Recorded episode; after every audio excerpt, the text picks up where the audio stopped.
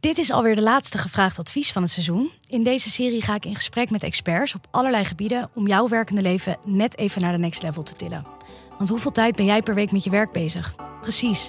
Dan is het niet gek dat je werk wil doen dat echt bij past en de boel goed wil regelen voor jezelf. Ik zit hier vandaag met Lennart Thoma. Welkom. Hoi Frida. Hi. Um, jij bent organisatiepsycholoog, spreker, podcastmaker van Hoe ben je zo, sinds Yes. kort. Yes. Uh, en schrijver van een aantal boeken. Uh, best wel een lange introductie eigenlijk, als ik dit nu zo... Vervelend hè? En nou, dan ben, helemaal niet. en dan ben ik ook nog papa van twee kids. Oh ja, dat is ook heel erg van nu, hè? Dat je Ja, dan dat moet je ook even vertellen, in ja. heel goed. Nou, uh, als jij op een verjaardag uh, staat, een familieverjaardag... en je moet aan je oud-tante uitleggen wat voor werk je doet... wat vertel je haar dan? Dat ik heel veel klets. Dat dat mijn werk is. Ja, dat wat je dus nu hier aan het Ja, doen bent. ik klets. Um, ik heb zelfs- Maar ik- en dan zit zij van, ja, uh, het is allemaal leuk en aardig, Lennart... maar hoe kan je daar een boterham mee verdienen? Ja, en dan moet ik dat wel een beetje uitleggen. Dan moet ik zeggen dat ik inderdaad spreek of dat ik consultancywerk doe, waar ik dan ook heel veel praat met bedrijven. Ehm, ja, dat eigenlijk. Dus eh, het is gewoon heel veel praten. Ik had vroeger zelfs bij het oude bedrijf hadden we eh, eh, productdifferentiatie, heel cool woord, zogenaamd. Hadden we dus drie producten gemaakt. Dat was namelijk bla, bla bla en bla bla bla. Dus de hoeveelheid, hoeveelheid bla, dan betaalde je meer. Dus bla bla bla was het duurst en bla was het goedkoopst. voor je Oh, ons want hoe voor- scherper het is, hoe duurder het is. hoe, hoe, meer, hoe meer wij moeten praten, hoe meer eh, je moet betalen. Daar kwam het eigenlijk op. Oh, dus dan zou bla bla bla duurst Bla bla bla is het duurst, ja Oh, zeker. oké. Sorry. Ja, ja, zeker. Ja. Oh, want je zou ook kunnen zeggen van hoe scherper geformuleerd, Ja, hoe dat- minder woorden, hoe duurder het eigenlijk Dat zou is. kunnen. Nee, Iedereen kan er wel een gat in de weg lullen, toch? ja, dat is eh, helemaal waar. Ja. Dus als je als het wil, kan je een kwartje in gooien en dan ben ik twee uur aan het lullen. Dat is niet altijd even bevorderlijk Gaan voor we de situatie. Nee, heel goed. Ehm, het leek me voor eh, de laatste gevraagd advies van dit seizoen leuk om met een aantal stellingen te werken die te maken hebben met de dagelijkse gang van zaken op het werk en eh, in het samenwerken. Ehm, want dat is wel een beetje jouw vakgebied, toch? Je hebt het boek geschreven ehm, Ja. Bedrijf Bami Schrijf. ja. Kan je, kan je vertellen waar dat boek over gaat? ja, dus de ondertitel zegt een heel stuk meer dan de hoofdtitel. Dat is namelijk van onzinnig bedrijfje spelen naar zinnig organiseren. Dus dat gaat erom dat eh, ik en dus degene met wie ik het geschreven heb, Cedric, dat wij denken dat heel veel bedrijven bedrijfje aan het spelen zijn. Heel veel dingen doen omdat andere bedrijven het doen. Of eh, omdat het zo is geleerd op je school. Of omdat je dat ergens hebt gehoord dat een ander bedrijf eh, het Spotify-model gebruikt. Of Netflix die gebruikt. Die doet iets en dat is dan heel goed. En dat gaan we dan maar klakkeloos kopiëren. Terwijl we er eigenlijk nooit bij vragen, maar waarom doen we dat eigenlijk? En is dat eigenlijk wel zo goed? Zeker voor ons bedrijf, onze mensen, het werk wat wij doen enzovoort. Ehm, en dan ben je dus bedrijfje aan het spelen. Zonder dat je, ja, het heeft helemaal geen nut misschien. Wat is, eh, wat is een voorbeeld van bedrijfje spelen of iets wat in heel veel organisaties gebeurt wat eigenlijk nergens op slaat of geen zin heeft? Ehm, nou, een van de dingen is eh, een managementpraktijken dus overnemen. Dus eh, we moeten met z'n allen agile gaan werken. En dan kan je vragen, ja, maar waarom dan? Ja, omdat alle andere bedrijven dat ook doen. dat is geen goed antwoord, weet je wel. Je moet wel weten waarom. Misschien is het hartstikke goed om agile te werken, maar misschien ook helemaal niet. Ehm, Ik denk ook dat heel veel mensen ook echt niet precies uit kunnen leggen wat agile is. Zeker Tenminste, Ja, ik dus zelf niet. Terwijl ik heb ook agile gewerkt. Ja, nou, ik, denk dat, ik denk dat heel veel bedrijven, zeker in de directie, die horen dan zo'n buzzword en die denken, ja, dat moeten wij ook doen. Zonder er zelf echt ingedoken te hebben en echt te weten waar het eigenlijk om gaat. Want als je een soort van heel diep bijvoorbeeld op Agile gaat eh, kijken wat het nou eigenlijk is, het Agile Manifesto, dan gaat het heel erg om menselijk met elkaar werken. Ehm, maar waar wordt Agile voornamelijk voor gebruikt? Eh, manieren om projecten in te richten. En dus eh, sprints te doen en scrum te doen en allemaal dat soort termpjes. Eh, waardoor je het project effectiever of efficiënter doet. Maar niet zozeer die Dat mensen. het eigenlijk een hele rigide manier is van plannen ook vaak. Die helemaal Ja. niet zo menselijk is. Nee, nee, terwijl als je dus de, de achtergrond er echt van weet, dan kan je die menselijkheid er veel meer inbrengen. Maar dan moet je het wel weten. Eh, en dat is niet waar heel veel bedrijven dan vanuit gaan. Een ander ding is eh, dat eh, er dan zelfsturing of zelforganisatie of zelfsturende teams in een organisatie wordt Dat is ook helemaal hip happening. Hè? Ja, dat is zeker hip en happening. Alleen ja, als je dat doet om kosten te besparen, omdat je denkt dat je daardoor een middellaag managers eruit kan knikkeren, ja, dan gaat het niet helemaal werken. Waarom niet dan? Want ja, dat, dat lijkt inderdaad wel een hele logische benefit ervan. Ja, zeker. Alleen dat komt veel later pas in het proces als je veel verder bent. In eerste instantie moet je de mensen die het werk doen, die, moeten, die krijgen er opeens allemaal taken bij. Die moeten opeens gaan plannen, die moeten opeens allemaal beslissingen gaan maken, mensen gaan aannemen over budgetten, nadenken. Dat hebben ze daarvoor nog nooit gedaan. Dat deed het middenmanagement. Ehm, en eh, nu moeten zij dat doen zonder dan heel veel training te hebben gehad of zo. Nee, ja, lekker zelfsturend. Beslissen jullie Heel het veel maar. succes en de ballen. Good luck! gaat, het, ja, dan gaat het helemaal kapot. Eh, en dat zie je dus in van die, ja, bijvoorbeeld in van die zorgorganisaties die dan buurtzorg proberen te kopiëren. Ja, dan gaat het helemaal mis, omdat ze niet die gedegenheid erachter of het gedachtegoed erachter ook meenemen. En de mensen voelen het natuurlijk ook. Als het is van we doen dit om kosten te besparen. Denk je dat die mensen dan echt meegaan in dat zelfsturende? Omdat ze denken dat het daarmee meer autonomie krijgen of meer vrijheid? Nee, die zien dat natuurlijk ook dat het gaat om kosten besparen. Dus die denken dan nou, ja, ik weet niet, ik heb hier niet zo heel veel zin in. Ik weet niet wat ik echt ga doen en laat maar Ja, dat werkt dan niet. En ja, je moet die other way around, zeg maar, een beetje denken. Dus dat, zijn, dat, dat is dan alleen nog maar managementpraktijken. Je kan ook denken aan natuurlijk vergaderen, wat heel onzinnig vaak wordt gedaan. Of eh, bepaalde besluiten nemen, wat nog steeds bij een leidinggevende ligt. Of we gaan op een andere manier besluiten, maar we weten eigenlijk niet waarom. Ehm, ja, zo kan je, weet ik het, hoeveel dingen bedenken. En dat staat allemaal in het boek.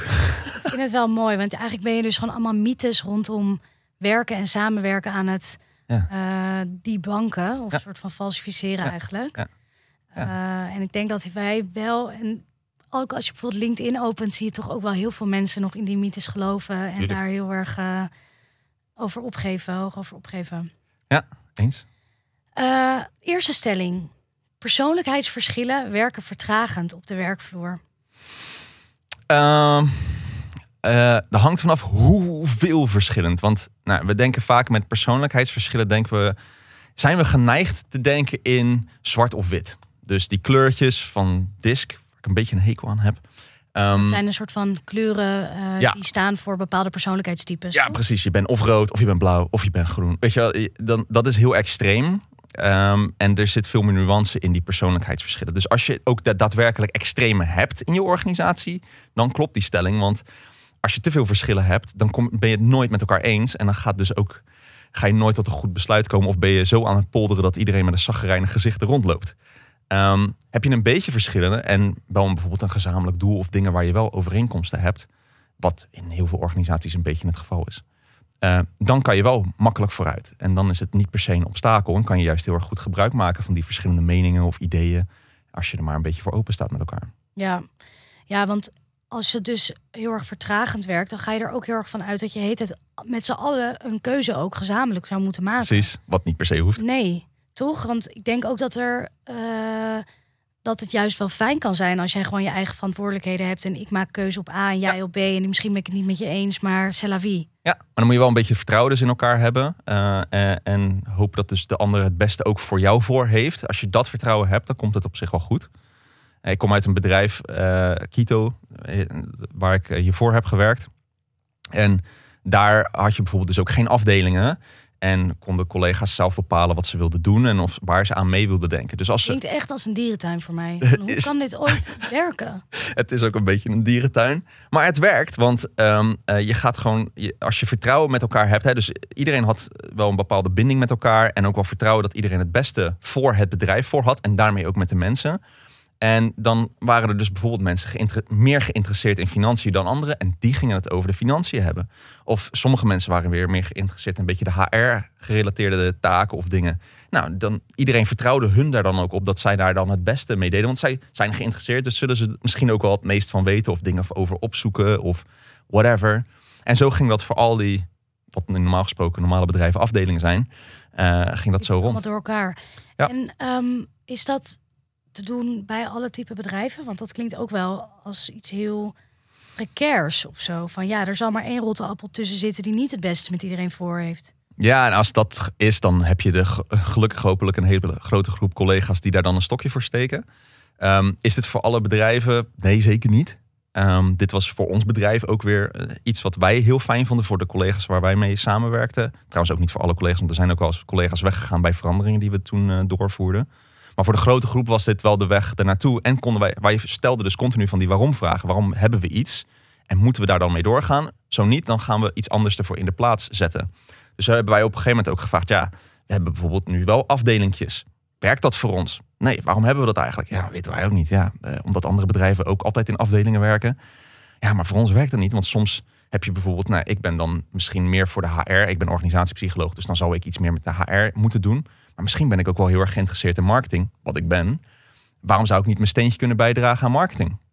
Ja, en dan, eh, dan krijg je veel meer andere input misschien in, in die marketingafdeling dan als ik het niet had gedaan. Ja. Ehm, en dus toen hebben we dat eruit geknikkerd of niet gedaan. En eh, mocht iedereen kiezen wat ze zelf wilden. Dus dan heb je een gedachtegang achter dat stuk. Dus je moet het niet Ja. vanaf de andere kant overnemen. Want dan ga je precies diezelfde valkuil maken als wat ik aan het begin zei met onzinnig bedrijfje spelen. Dan ga je doen wat wij doen. Eh, nee, je moet nadenken wat is goed voor jullie. Ja, en dat is heel erg die waarom-vraag. En ik denk ook wel grappig voor de luisteraar om je af en toe die waarom-vraag te stellen eh, rondom dingen die op een vaste manier georganiseerd zijn Ja. Eh, bij je werkgever.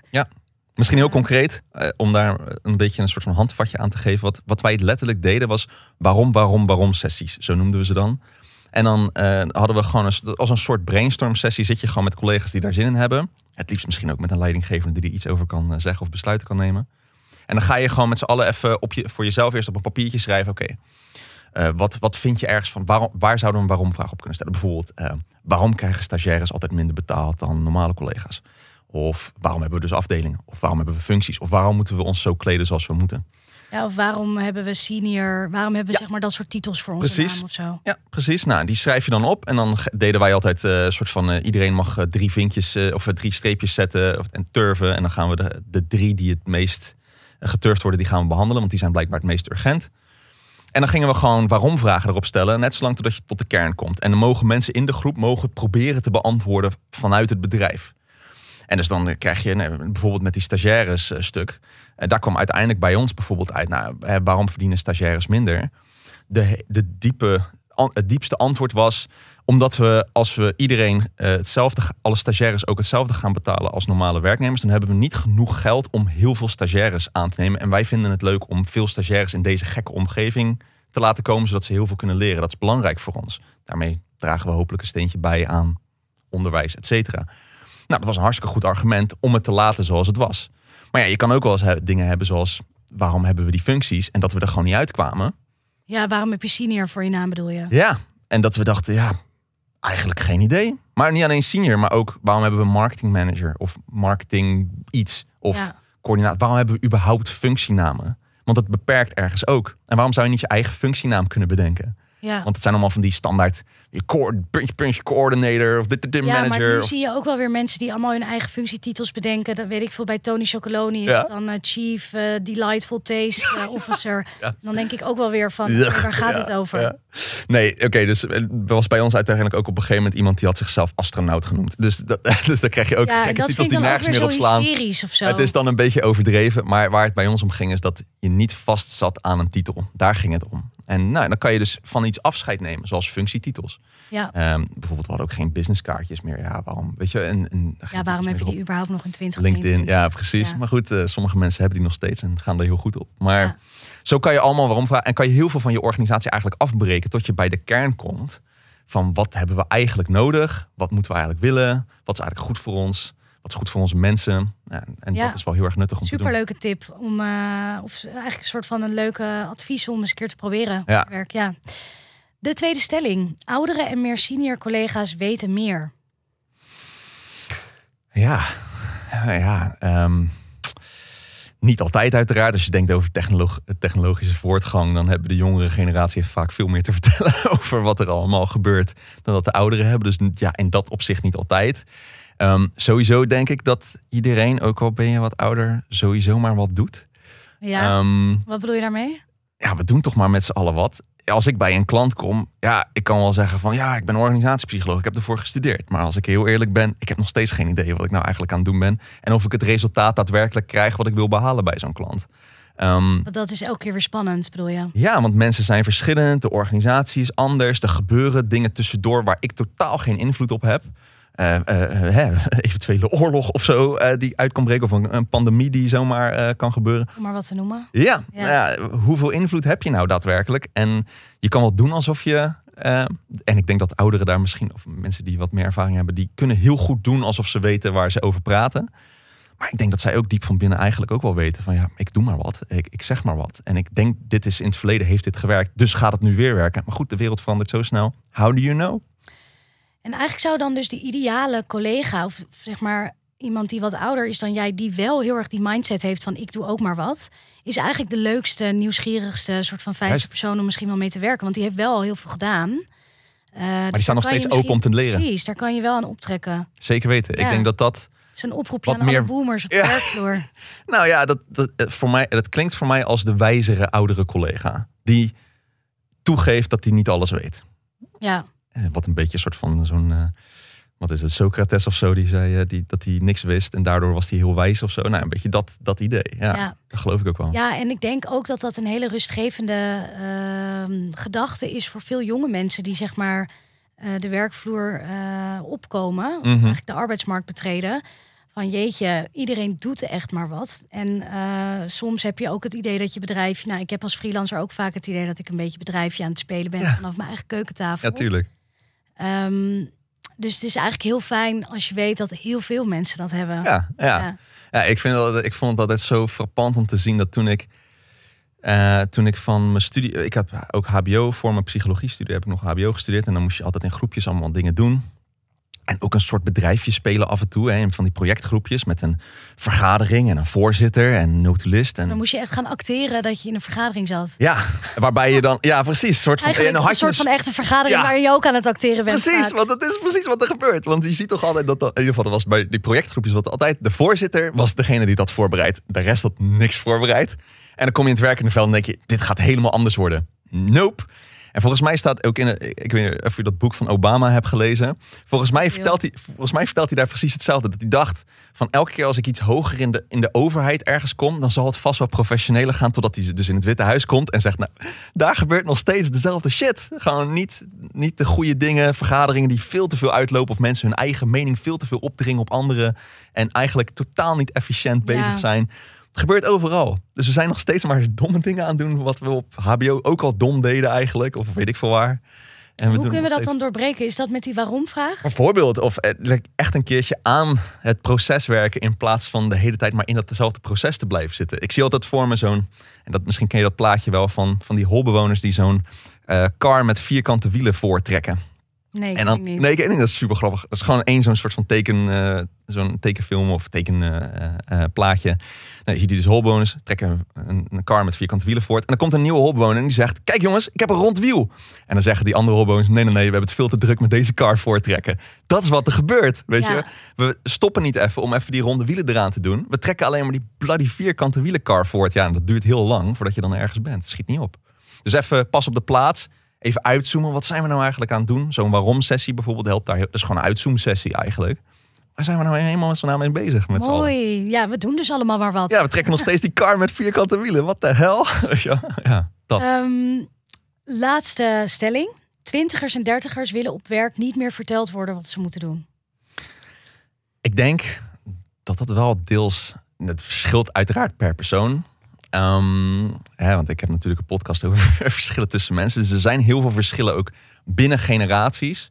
Meer dan tussen de generaties, denk ik. Meer verschillen binnen de generaties dan tussen de generaties. Dus, um, maar dus ik eigenlijk die fight tussen de generaties, die heel vaak zeg maar zo wordt geschetst, die is er eigenlijk helemaal niet. Veel minder dan je zou denken. Uh, ik denk dat die er wel, die is er wel tot op zekere hoogte. Want ja, de nieuwe generatie, uh, uh, generatie Z, millennials, die zijn natuurlijk opgegroeid, zeker generatie Z, is natuurlijk opgegroeid met een soort van, uh, je klikt op een knop en je krijgt het binnen een dag. Um, waar, tien minuten. Of tien minuten zelfs. Um, waar we natuurlijk voorheen je gewoon echt lang moest wachten of zelfs uh, een postduif moest sturen bijna.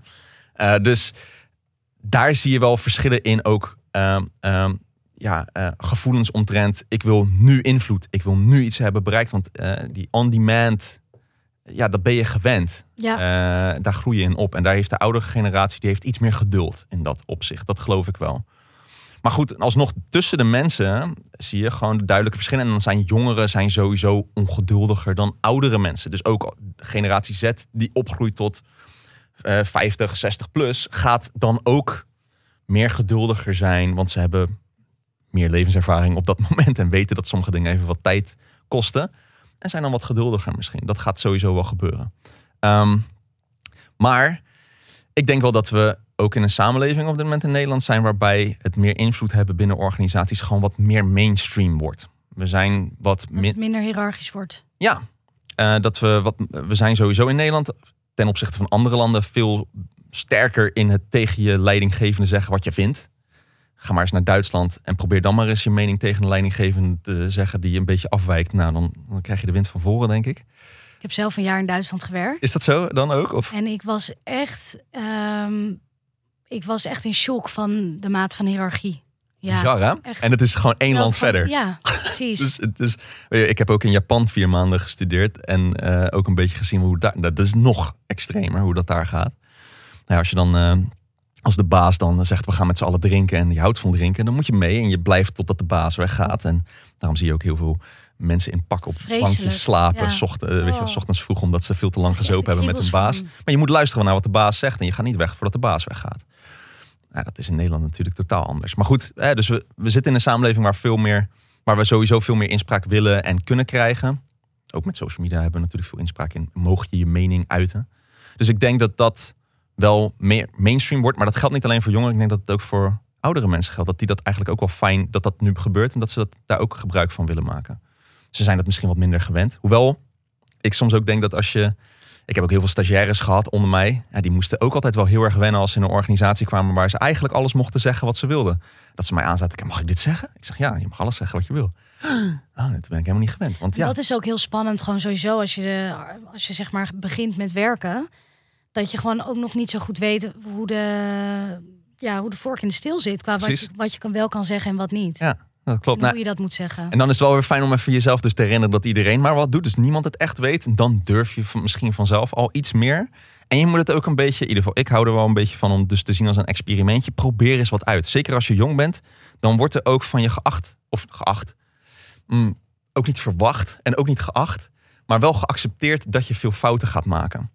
En dat je dus misschien dingen roept die eigenlijk heel gek zijn. Maar vaak zal je misschien dingen roepen die super relevant zijn. Die op ieder stong liggen, maar niemand durft uit te spreken. Maar jij net wel. En eh, je hebt dus best wel veel ruimte, denk ik, als je jong bent, om dat soort dingen gewoon te gaan proberen. Roep eens wat in een vergadering. Kijk wat er gebeurt. En zeker als je het een beetje ziet als, een, als, een, ehm, als iets om van te leren, als een experimentje, dan is het ook leuk om te doen. Gewoon, wat zou de reactie zijn als ik nu eens puntje, puntje drop? En dan doe je het en dan krijg je allemaal hele verbaasde gezichten, of boze gezichten, of weet ik veel wat. Of misschien wel hele blije gezichten, of opgeluchte gezichten van, oh, eindelijk iemand die het zegt. Dat is lekker. En dan Ja. krijg je wat meer zelfvertrouwen om dat vaker te doen. En dan ga je echt wel verschil maken in zo'n Ik organisatie. vind dat een hele mooie oproep. Roep eens wat in een vergadering. Ja, ja. try it out. Ehm, dankjewel. Eigenlijk een aantal dingen die je vanaf morgen gelijk al eh, in de praktijk kan brengen of kunt proberen. Sowieso, probeer eens wat uit. Roep eens wat in een vergadering en eh, kijk wat er blijft plakken. Mhm. Ehm, wat ik een mooie vond, is er zijn meer verschillen binnen de generaties dan tussen de generaties. Dus sta je ook niet blind op die leeftijdsverschillen.